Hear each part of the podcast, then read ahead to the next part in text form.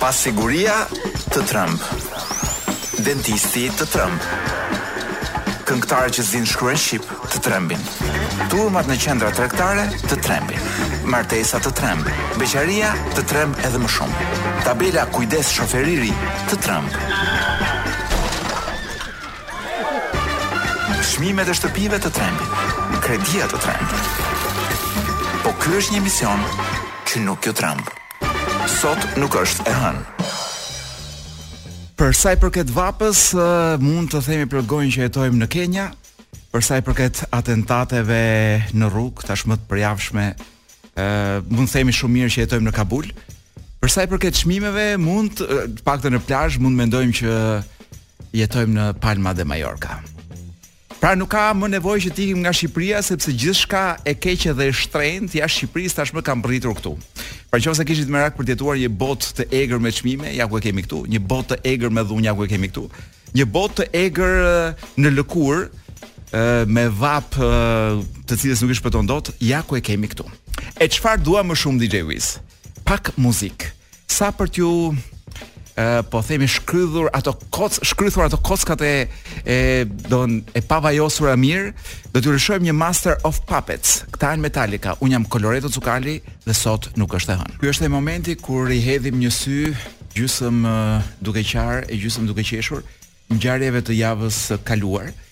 Çfarë kemi ngjarje, do javën e kaluar, besoj e keni ndjerë dhe ju rënien e euros. Çfarë nuk po bie domethënë këtë vend? Bie edhe euroja. Barazohet me dollarin, imagjino. Berisha që udhëheq opozitën. Euro baraz me dollarin mungojnë vetëm që ë të më kalojë përpara një autobuz i zhgarravitur me me parullën Nano ik, edhe mendoj që do kem kryer, do kem plotësuar kthimin, domethënë rrethin edhe kthimin mbrapa në kohë në 2002-shin. Sepse në 2002-shin kishim këtë qejfin që ishim vetëm me 0 dhe me 2-sha. 20 i dyti 2002.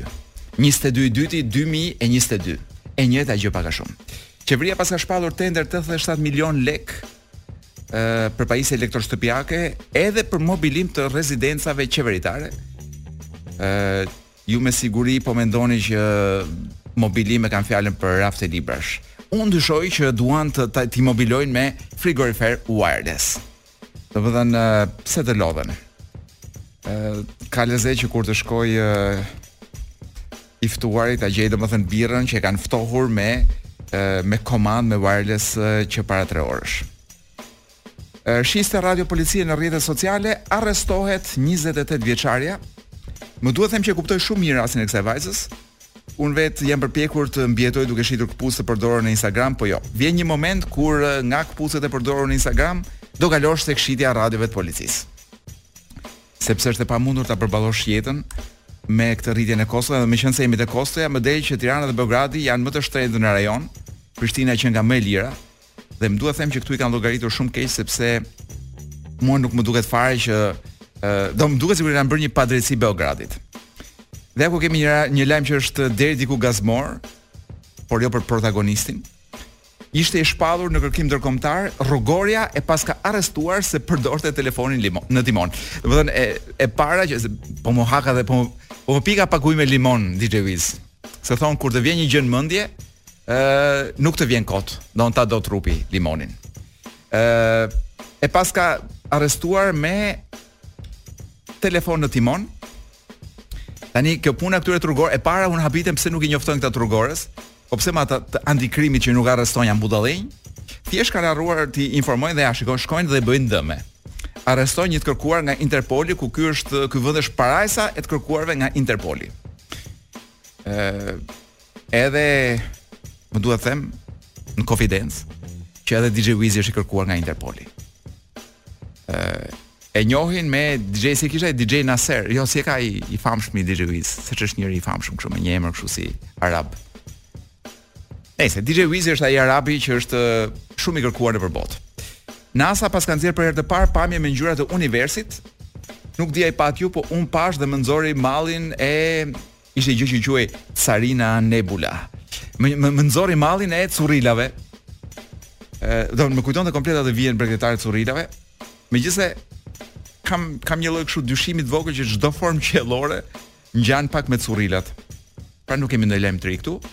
Një lajm prapë që është për të qeshur dhe për të qarë për protagonistin, Një turist amerikan paska rënë në vul në vullkanin e Vezuvit duke bërë selfie. Nuk e di nëse ka arritur ta postojë, domethënë gjatë rënies. Ë, edhe pse dyshoj që ky nuk është një një rast rënie, po themi rastësore. Ë, besoj që ky ka dashur të vetësakrifikohet për zotat.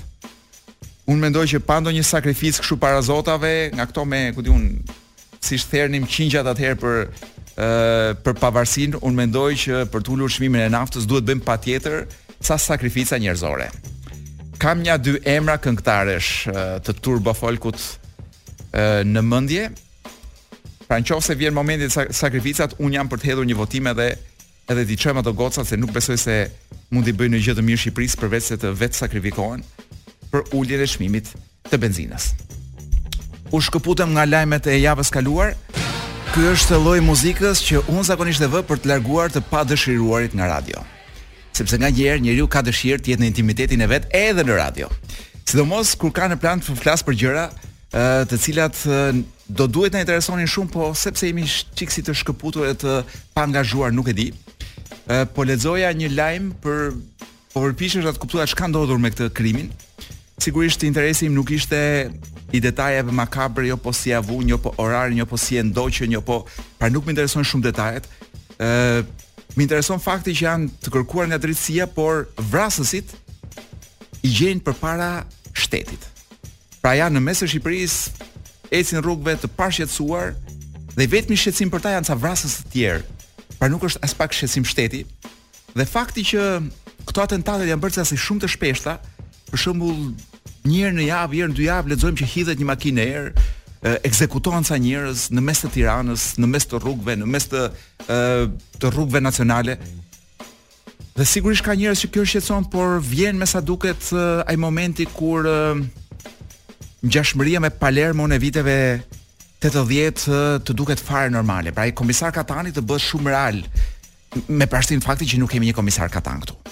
Ë Unë mendoj që zoti Nano Gledis duhet patjetër të ndryshojë diçka në jetën e vet, të ndryshojë shampo ndoshta ose nuk e di çfarë duhet të ndryshojë, po diçka të ndryshojë, edhe të fillojë të mendojë pak ndryshe, edhe ndoshta të japë edhe ndonjë dorëheqje ose të të japi një drejtim kësaj pune sepse nuk e kuptoj dot më pse duhet të jetojë Shqipëria në një vend që i ngjan Kolumbisë. Po Kolumbisë së kohës së Escobarit. Ëm ehm, Po shof janë janë janë ekzekutuar tre vetë, një gjë fare normale tashmë në Shqipëri. Detajet po jua lë juve sepse do t'i keni me shumicë besoj unë nëpër nëpër portale, por gjëja që më shqetëson mua është a duhet vërtet ta kalojmë kështu si një gjë të zakonshme, si një realitet të ri këtë gjënë? Apo duhet uh, t'i bëjmë një pritë diku duke dalë nga shtëpia uh, unë them drejtorit të policisë sepse nuk di kujt tjetër t'i t'i drejtohem dhe t'i bëjmë një dy pyetje. Meqënëse edhe për të me sa duket është bërë fare normale dhe dhe nuk e shqetson më aq sa aq sa të dalë me një deklaratë të na japi një premtim apo të na na shpjegoj se ç'po ndodh në këtë vend.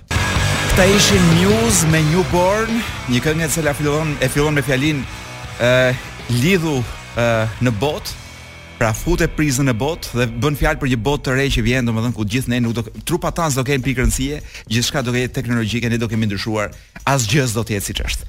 Kështu pra kjo ishte ë uh, suksesi i parë mendoj un komercial, nëse nuk gabohem i Muse, një këngë e vitit 2001 a 2002 s'më kujtohet. Po po themi 20 e ca vjet këngë. Jemi tek uh, libri i javës, vazhdon të jetë i njëjti libër si javën e kaluar, Viktor Frankl në kërkim të kuptimit, botuar nga Minerva. Ja ta gjej nga kush është përkthyer. Po është një nga librat më të rëndësishëm të të kohës tonë, përkthyer nga Blendi Lami dhe është përkthyer mirë mendoj unë, ë qënka përkthyer ë para 3-4 vjetësh, është botimi 2000 e jo, i 2019-s është. Është shtëpia botuese Minerva, Minerva, shtëpi Tiranase ju mund ta gjeni duke shkruar ose nëpër librari ose duke shkruar ë shtëpisë botuese minervabotime.com. Është një libër shumë i rëndësishëm, unë mendoj që sikur ta mbani për zbukurim në në shtëpi, nuk nuk do ju bënte keq. 800 lekë është kjo kopje që kam unë në dorë. Është historia e një psikiatri që tregon pra historia e vet personale, historia që tregon gjithë periudhën e kaluar nga nga ky person në Auschwitz. Pra është një i mbijetuar i kampeve të përqendrimit, por mënyra se si ai e shpjegon dhe sheh një kamp përqendrimi nuk është thjesht një roman, është rrëfimi i tij i pasuruar me vëzhgime prej ë psikiatri. Unë do të lexoj e, për momentet e para kur e, Viktor Frankl futet në kampin e përqendrimit, ja ku lexoj këtu. DJ Wiz, do m'lshosh atë bazën e pikëlluar romantike të trishtuar që të duket sikur po bie shi përjashta. Dhe un po i lexoj një prall kalamajve, prall me Auschwitz. Në një moment treni frenoi teksa po i afrohej një stacioni kryesor. Papritmas shpërthyen britma nga radhët e pasagjerëve të dëshpëruar. Ka një tabelë, jemi në Auschwitz. Askujt nuk i rrahu zemra në atë moment. Auschwitz. Fjala që personifikonte gjithçka të tmerrshme, dhoma gazi, krematoriume, masakra. Dalngadalë pothuajse me ngurrim treni u zhvendos përpara sikur të donte t'ua kursente pasagjerëve të tij sa më gjatë që të ishte e mundur, konstatimin e lemerishëm. Auschwitz. Teksa po agonte, konturet e kampit të madh u bënë të dukshme shtrirje e pafund me rreshta të shumtë, me gardhe me tela me gjëmba, kulla vërejtimi, projektorë dhe kolona të gjata me trupa njerëzorë të rreckosur gri mes agimit bojëhiri, që mezi ecnin përgjatë rrugëve të drejta të shkretuara, drejt një destinacioni që nuk e dinin. Herë-herë dëgjoshin gërthitje dhe fërshëllima bilbilash. Nuk e kuptonim se çfarë po ndodhte, nuk e dija nëse po imagjinoja apo ishte vërtet. Po shija trupa njerëzish të varur në trekëmbësha. U llahtarisa, por kjo më bëri mirë, sepse hap pas hapi duhej të ambientohesha me këtë llahtar të jashtëzakonshëm. Më në fund u futëm në stacion, heshtja fillestare u ndërpre nga urdhra me zëra të të çjerrë. Nga ai moment do të dëgjonim pafundësisht ato tone të ashpra, drithëruese në të gjitha kampet. Tingulli i tyre ishte pothuajse si britma e fundit e një viktime dhe prapë se prapë kishte një ndryshim. Ky lloj tingulli i vrazhd kishte një nuancë gërvishtëse, sikur të dilte nga fyti i njeriu, sikur të dilte nga fyti i njeriu që vazhdonte të çirrej në atë mënyrë dhe që po vritej herë pas here. Dyert e vagonëve u hapën, u hapën dhe një grup i vogël të burgosurish hynë brenda. Kishin uniforma me shirita, kokat të rruara, por dukeshin të ushqyer mirë. Flisnin gjuhë të ndryshme europiane dhe me një dozë të sheqerosur humori, gjë që dukej groteske dhe me një dozë të sheqerosur humori, gjë që dukej groteske në ato rrethana. Si një i mbytur që mbahet pas një fije bari, optimi, optimizmi im i brendshëm, i cili shpesh ka kontrolluar ndjenjat e mia, edhe në situatat më të dëshpëruara, u kap pas këtij mendimi. Këta të burgosur duken mjaft mirë, janë me humor, madje po qeshin. Kush e di? mund të arrij të kem pozicionin e tyre të favorshëm. Në psikiatri ekziston një gjendje e caktuar e njohur si iluzioni i mëshirës. Personi i dënuar përpara ekzekutimit krijon iluzionin se mund të falet në minutën e fundit. Edhe ne vareshim nga ato copa shpresash dhe besonim deri në minutën e fundit se situata nuk do të ishte aq e keqe. Thjesht faqet e kuqe dhe fytyrat e rrumbullakosura të këtyre të burgosurve ishin shena shenja inkurajuese. Pak dinim atëherë se ata ishin pjesë e një elite të përzgjedhur posaçërisht, e cila për vite me radhë kishte qenë ekipi pritës për trenat teksa futeshin përditë në stacion. Ata merreshin me posa, pra ata ishin një grup, për t'i rënë më shkurt se dua të shkoj te një pjesë që më intereson, një grup burgosurish të privilegjuar për të rrahur dhe për të grabitur të burgosurit e tjerë në favor të SS-ve. 1500 po zbrita pak më poshtë në libër. 1500 robër u futën në një godinë e cila ishte ndërtuar për të akomoduar maksimalisht 200 persona. Mërdhinim dhe ishim të uritur. Nuk kishte hapësirë të mjaftueshme për të gjithë dhe për të ndenjur galiç, as që bëhej fjalë për t'u shtrirë. Një copë bukë prej 150 gramësh ishte ushqimi ushqimi ynë për 4 ditë. Megjithatë, DJ Wiz nuk do më lë të shkosh te pjesa 3 sekonda ua për të gjetur një pjesë të bukur. Po thuaj se gjithë gjithë pas bres më poshtë. Pothuajse çdokush në trenin tonë jetoi me iluzionin se do të falej, se gjithçka do shkonte mirë. Nuk e dinim kuptimin që fshihej pas skenës që do të pasonte.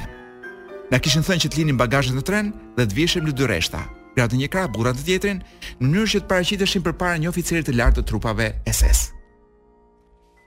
Erdhi rradha ime.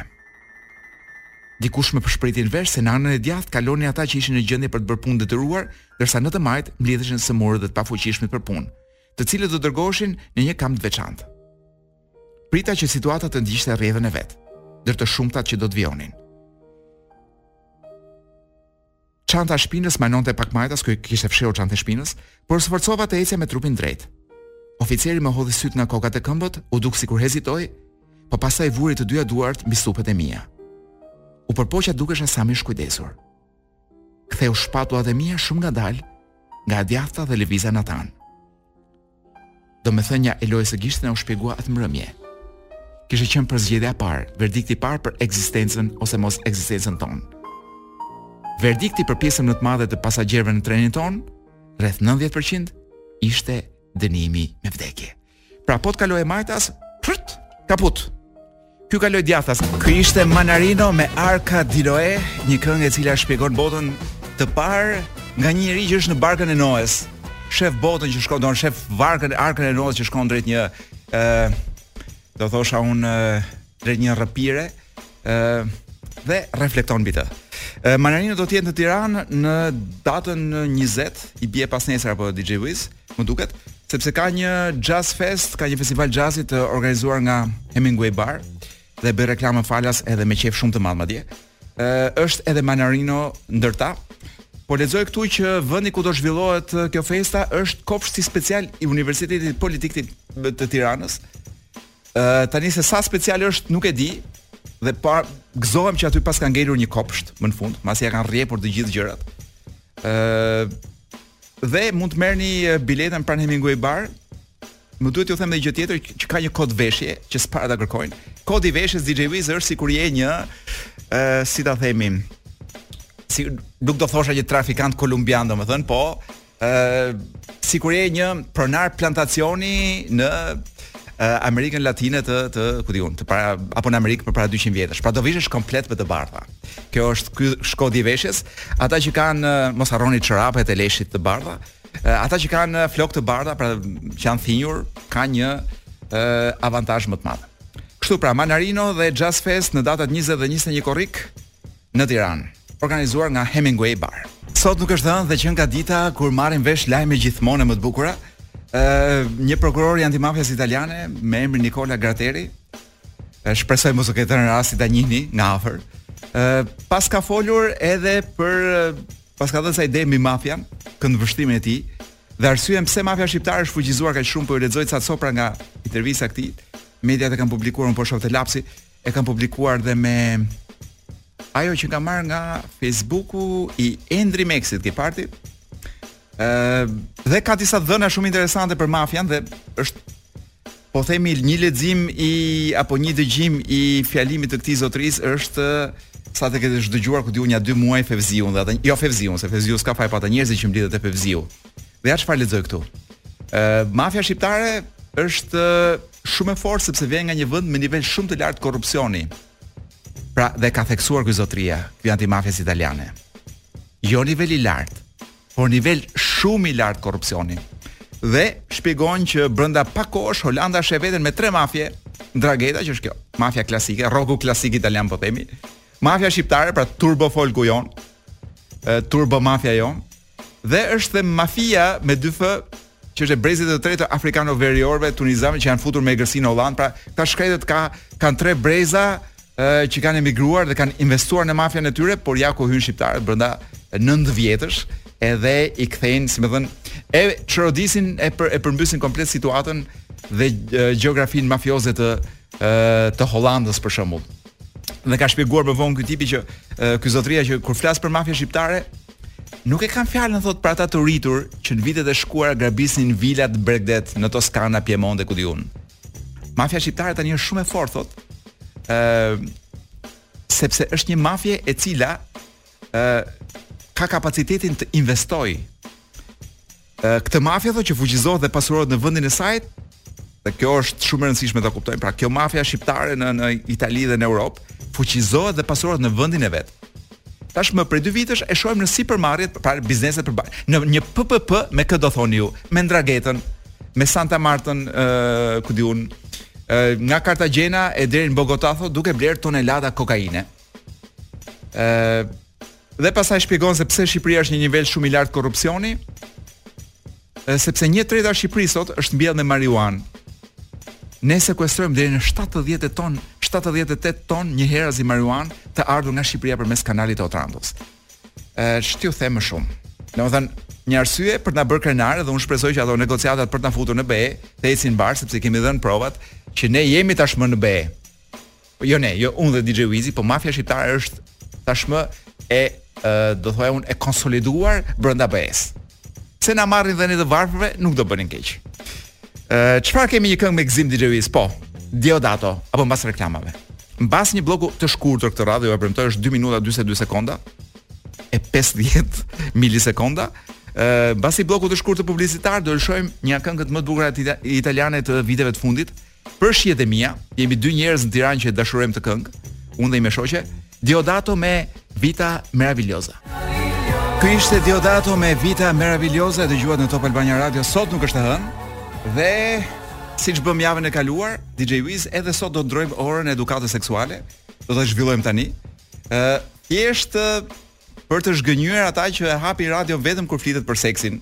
Dhe janë mësuar që në, për seksin flitet zakonisht në fund të emisionit ora 7:30 apo 8 pa 20. Sot do të flasim më herët. Apo jo. Ë uh, sa jemi? 7:20 po. Nuk është që jemi më herët, po jemi çik më herët. Ë uh, do të flas DJ Wiz për një gjë shumë të rëndësishme për ne të dy të paktën, dhe që është virgjëria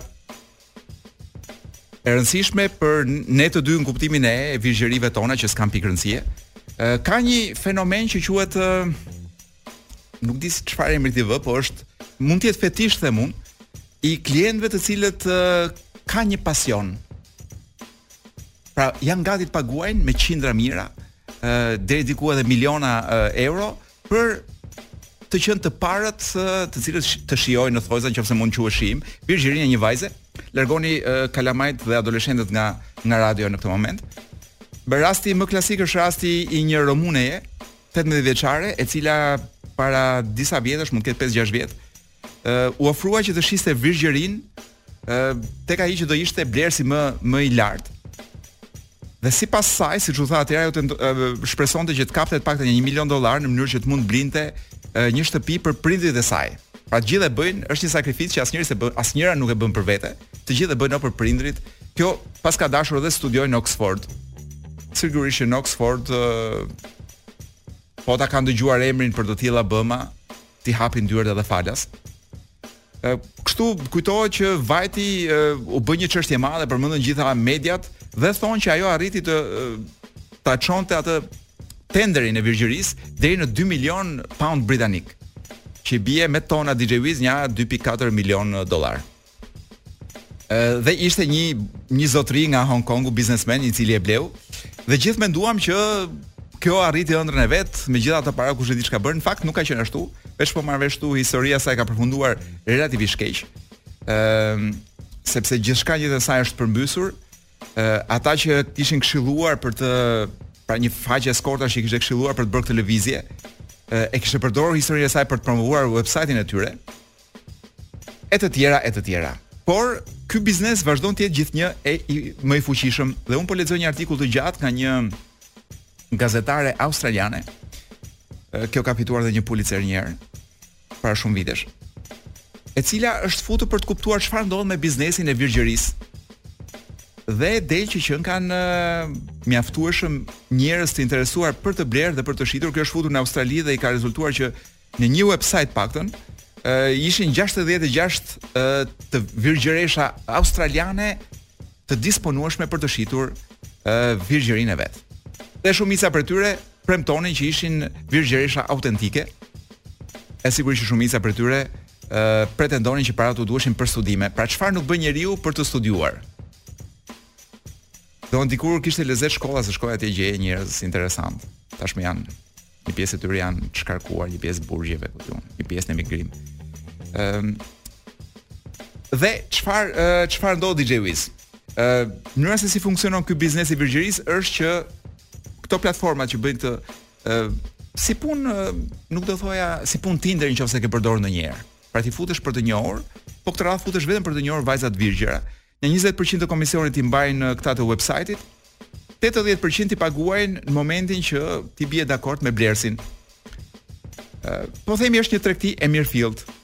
Unë u përpoqa ta kuptoj se çfarë ndodh, këtu paska zonjusha që kanë shitur për 200.000 euro, por gjë e rëndësishme është që a është vërtet e mundur që të që të kuptohet cila është virgjëria. Kjo gazetarja ka marrë edhe fjalën e mjekëve, të cilët thonë që virgjëria nuk ekziston. Pra, uh, ajo që në kuptimin klasik shqiptar konsiderohej si cipa e virgjërisë, në të vërtetë nuk ekziston. Uh, ekziston, por nuk mund të është e pamundur të kuptosh nëse cipa uh, nëse ka pasur marrëdhënie, s'ka pasur marrëdhënie. ë uh, nëse cipa është shkatërruar për shkak marrëdhënieve apo ndonjë uh, aksident tjetër si hipja në biçikletë dhe bredhja gjatë me biçikletë nëpër kodrat e liqenit, e ku di unë se çfarë. Dhe e vetmja gjë që ngelet nga gjithë ky lloj biznesi, në fakt është është një pornografi do thoja unë, një prostitucion i mirëfilltë, ë sepse pavarësisht se e shesin sikur është diçka autentike, unë mendoj që në fund fundit është thjesht një fetish i meshkujve të cilët nuk është se duan të blejnë virgjërinë DJ Wiz. Ata duan thjesht të jenë pra kanë këtë Psikozën në kokë që duan të jenë të parët që të fusin penisin në trupin e një femre. Pra kjo është ajo psikoza e tyre, domethënë. Dhe mjafton t'i gënjesh dhe mirë bëjnë që ia marrin parat, por më dhimbsen çik këto goca sepse lexova që disa prej tyre e shesin disa herë virgjërinë se mos merr vesh ai. Ai zotria nga Dubai për shembull, nga virgjëria vërtet. Kështu pra, një biznes i mirëfilltë DJ Wiz. Fati i keq që ne nuk kemi as gjininë e duhur, e dhe kam idenë që edhe me moshë nuk mund të gënjejmë më njerëzit që jemi akoma të virgjër. Por që ishte një alamet biznesi mund të kishim shitur gjithë, do mund të kishim shitur virgjëritë tona dhe të ë ku di unë. Të ishim duke mbjellë pemë në Afrikë ose në pyllin orbital të Tiranës. Ky ishte Jovanotti me një këngë albumit të tij të fundit Mediterraneo, Alla Salute. Jovanottin, për ata që e kanë qejf e kanë nëpër plazhet e Italisë, nëpër koncerte me qindra mijëra njerëz. Tani kemi 10 arsyet pse një majmun mund të zërë me shpulla në Shqipëri. Kur e lexova lajmin DJ Wiz nuk e besoja. Domethënë mendoja që është një tallje ose kush e di kujt i thonë majmun. Se ne e kemi zakonin që njerëzit i përkëdhelim për shkak sidomos ata njerëzit që dalin shumë në televizor, vjen një moment që Krijojmë një lloj asociacioni me ta, me gjëra të dashura. Majmuni është një gjë e dashur. 10 arsye pse majmuni mund të të zërë me shpulla në Shqipëri. E para, nëse je veshur me uniformën e tenderit të fundit, e cila mban era qen. E dyta, një majmun mund të zërë me shpulla nëse ti ke besim të verbër tek e-Albania. Dhe këtë e bën për të mirën tënde sepse e-Albania vetë nuk mund të zërë me shpulla. Ë, një majmun mund të zërë me shpulla nëse ti mban era kanabis nga ato që djeg policia pasi i ka kapur. një majmun mund të zërë me shpulla në Shqipëri nëse nuk jep pasuardin e wirelessit të komisariatit. Një majmun mund të zërë me shpulla në Shqipëri nëse nuk jep pasuardin e wirelessit të Maria Bonitas, që është i njëjtë me atë të komisariatit. Një majmun mund të zërë dhe me shpulla nëse përdor të njëjtën pas rroje si Gledis Nano, por mund të zërë dhe me shpulla nëse ia jep për shezlongun 23000 lekë të reja sepse të konsideron vëlla. Një majmun në Shqipëri të rreh me shpulla nëse je fletushkë promocioni për Kopshtin Zoologjik të Tiranës, Dhe nëse ju thoni që këto ishin vetëm 9 arsye dhe jo 10, një majmun do t'ju zërë me shpulla pikërisht për këtë arsye. Këta ishin Arctic Monkeys eh, me One for the Road, sapo i dëgjuat në Top Albania Radio sot nuk është e hënë dhe duhet t'ju flas pak për këtë sportin e mbjelljes së pemëve. Sporti i mbjelljes së pemëve nuk është eh, një fenomen shqiptar, pra kjo dëshira për të dukur sikur ne do mbjellim pemë për të zgjidhur problemet, është eh, në fakt se mos shpikëm gjëra ne. Përgjithësi kopjojmë gjërat.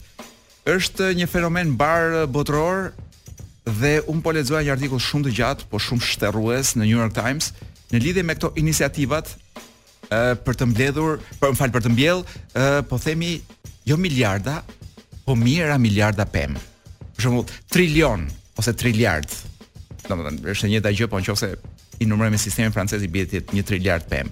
Në qoftë se ne do të mbillnim një triliard pemë ë në glob, a thua do të ndryshonte bota? A thua do të ndryshonte situata e klimës?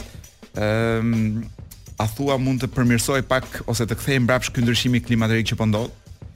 Gjëja është komplekse.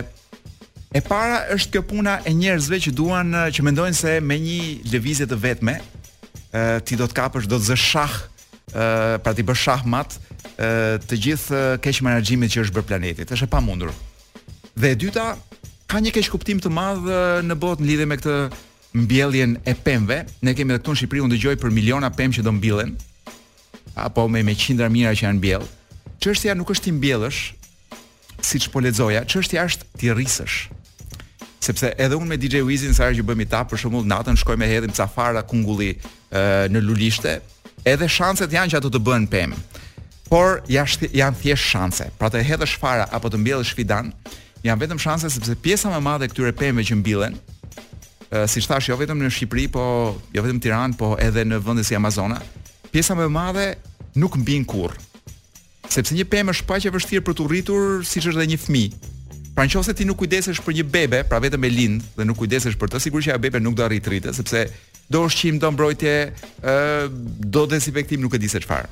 Pra ky është problemi i parë që ti mund të mbjellësh miliarda pemë rreth Tiranës, Por realisht sa pemë kemi rreth ne rreth Tiranës? Për shembull, mbollëm ja 100 mijë pemë në autostradë, palma në autostradë, për shembull, sa sa nga ato palma janë akoma gjallë?